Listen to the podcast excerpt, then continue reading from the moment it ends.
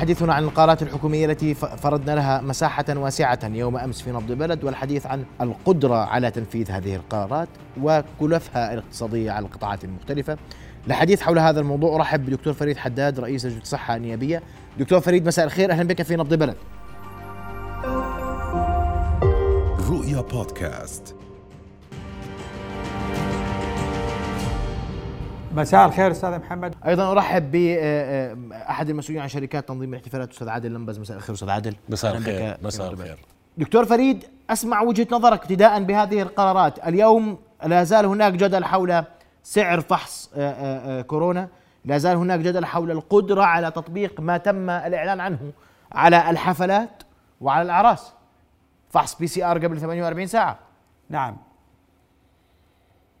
رأيك؟ آه يعني اولا آه إحنا آه في موضوع الفحوصات وموضوع الاحتفالات نحن في لجنة الصحة والبيئة النيابية اجتمعنا يوم الأربعاء الماضي بالحكومة ممثله بوزارة الصحة وقدمنا رؤيتنا المشتركة بين من جميع الأعضاء باتجاه الحكومة عن ما هو قادم في الوضع الوبائي اللي إحنا بنعيشه والأرقام اللي بدأت تتصاعد.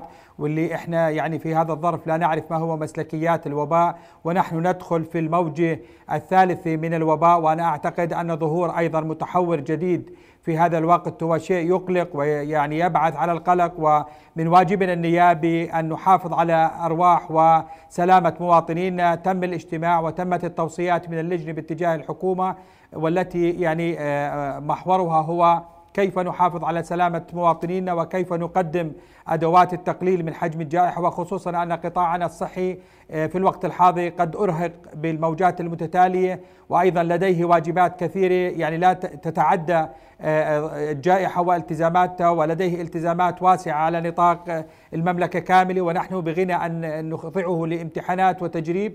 كانت التوصية بالحد من التجمهر والحد من المهرجانات والحد من الاحتفالات والحد من يعني التجمع في في المناسبات بيوت العزاء والأفراح وهذا شيء يعني مهم جدا. فإذا كان في شيء ضروري نحن لا لابد من ان نتواجد فيه فلا بأس. ولكن إذا كنا بنقدر نستغني عن أي أمر يبعث على زيادة انتشار الوباء فهذا واجب مجلس النواب أن يعني دكتور فريد اسمح لي أقاطعك. انت أنت مع وقف مع وقف الأفراح ولا حفلات؟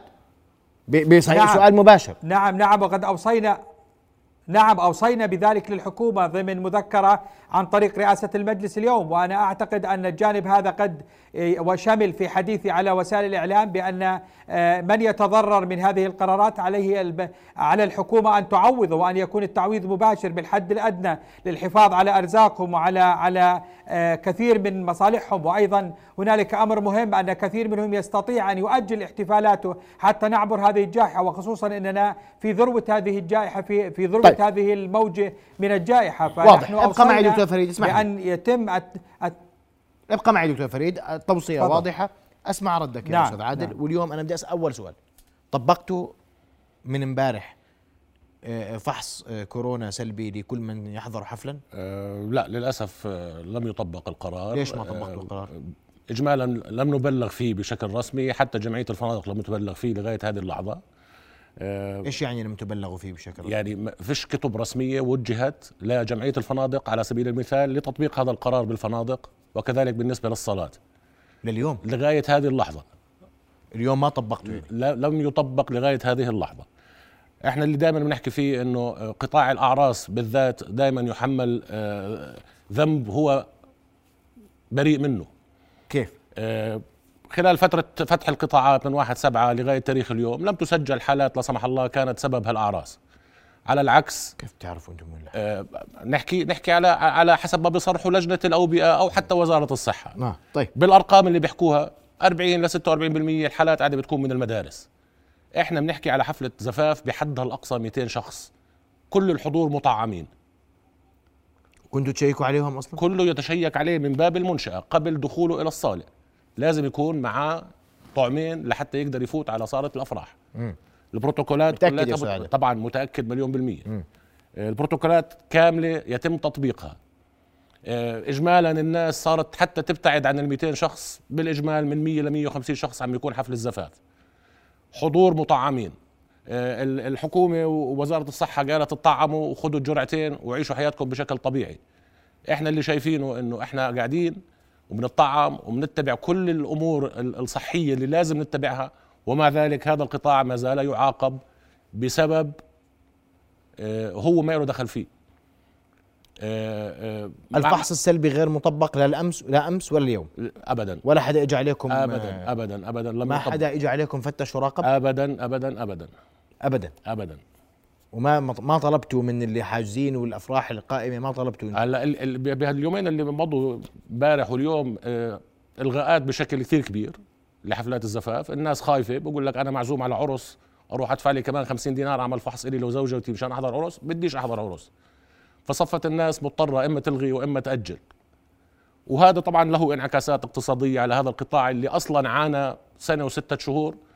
وحسب ما حكى آه، سعادة النائب آه، إنه مطالبة الحكومة بتعويضنا. نحن لم نعوض خلال فترة السنة وست شهور بأي شيء. طيب. ولا نتوقع أن يتم تعويضنا عن هذه الفترة. طيب. تأكيدات كلها اليوم ترد بأن قضية 15 إلى 20 دينار غير مطبقة حتى اللحظة ولا يزال السعر 28 دينار سواء في المطار أو حتى في مختبرات أخرى مختلفة. وإذا كان لدى المختبرات أي تصريح آخر أو إيضاح فهذه الطاولة جاهزة لاستقباله. لكن أسمع ردك على هذا الموضوع. وعلى أسعار الفحوصات وحتى إجراء نعم. الفحوصات في المطار. تفضل. نعم. آه، أستاذ محمد يعني آه، قضية الأسعار ال- الفحص في على المعابر الحدودية يعني إحنا لدينا تحفظ كبير جدا على هذا الموضوع وقد أثرنا الموضوع في اجتماعنا مع آه، معالي وزير الصحة ووزارة الصحة بحضورها السابق يوم الأربعاء الماضي وكان النقاش بأنه تم تخفيض الأسعار إلى حدود ال 15 دينار لفحص ال PCR ويعني يعني تفاجأنا ثاني يوم أو ثالث يوم بأن آه، يعني وزير الداخلية أو الحكومة ممثلة بوزارة الداخلية قامت برفع الأسعار وأنا هنا أود أن أميز وأنا وجهت لوزارة الصحة سؤال نيابي آه، للاستفسار عن عن أولا العطاءات على المعابر الجوية والبرية وعن الأسعار التي يتم فرضها وما هي حصة الحكومة من ذلك وكم يأتي إلى الوزارة من هذه الفحوصات وكم يتبقى لل- للمختبرات وهل هذا يمكن أن يطبق على أرض الواقع على التكلفه الحقيقيه لكل فحص؟ وهذا السؤال أنا يعني إن شاء الله سيتم له مناقشة في- تحت قبة البرلمان.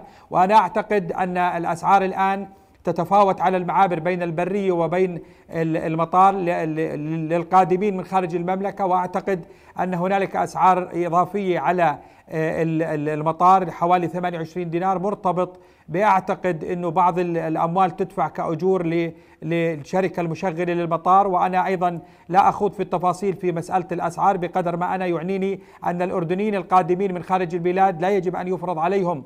دفع أموال للدخول إلى بلدهم وهذا شيء مهم. وهذا أمر يعني يتطلب آه، الدراسة من ناحيتين. اولا لماذا يدفع الأردنيين على قدومهم إلى المملكة على المعابر الجوية والبرية؟ ولماذا هو الفحص مجاني داخل آه، المملكة؟ لماذا لا يصار إلى دفع بفرق من وزارة الصحة على هذه المعابر والمطارات لكي يكون الفحص على الاقل آه، يعني بدون فلوس بدون دفع أموال من قبل الأردنيين؟ هذا أمر. الأمر الثاني إنه القرار اللي فرض بعمل فحص PCR للقادمين بغض النظر عن مدة غيابهم عن المملكة أو للقادمين لأول مرة باتجاه المملكة قد صعب من العملية السياحية وأن كثير من الحجازات التي كان كانت قد أبرمت مع مع الفنادق بحجم 40 أو 50% تم وقفها وأن هذه التكاليف أصبحت تكاليف إض- إضافية على السياحة. وقد تمت الإشارة آه، إلى هذا باتجاه الحكومة بأن آه، قرارات ال PCR التي فرضت على المعابر أيضا ستتأثر ستؤثر على القطاع السياحي. هذا أمر. والأمر الثاني ما يخص وحتى يا يا, يا, يا. دكتور أنا إذا يا دكتور يا دكتور فريد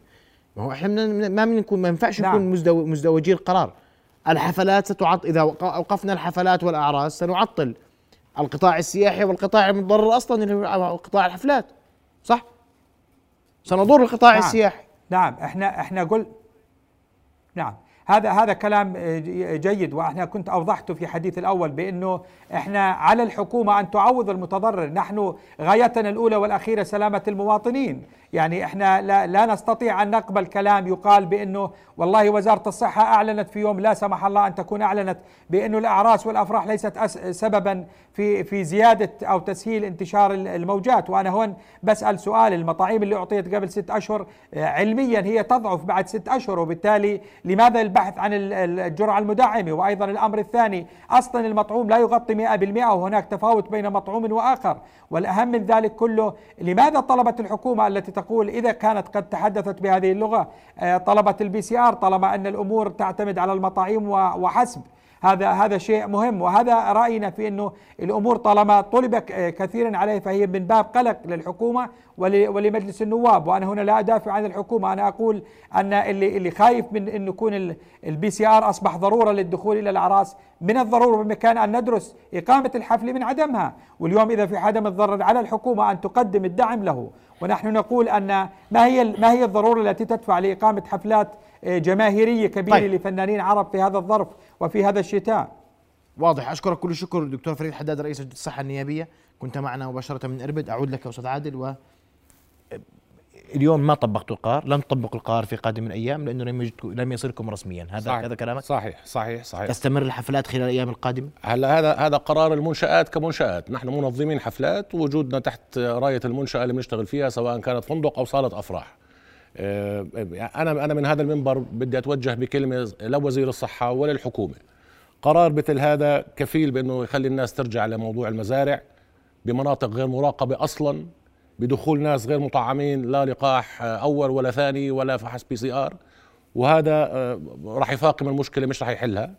آه، بنفس الوقت إحنا بحاجة لفترة زمنية أنت فاجأتني في القرار طب الناس اللي حاجزة ودافعة مصاري هاي شو تعمل مش راح ألحق آه، يلغي حفلته ولا يرجع يسحب مصاري لأنهم مش حيرجعوا له كمنشآت مش حترجع له لأنه ما في قرار بالإغلاق هو قرار آه، تعجيزي فمحمي قانونا كمنشأة مش حيرجع له مصاريه نتمنى على الحكومة نتمنى على وزير الصحة نضل شغالين على نفس البروتوكولات يعطونا مهلة أسبوعين لنهاية السنة إذا ظلت الأمور والأرقام كما هي عليه نرجع نطبق البروتوكول.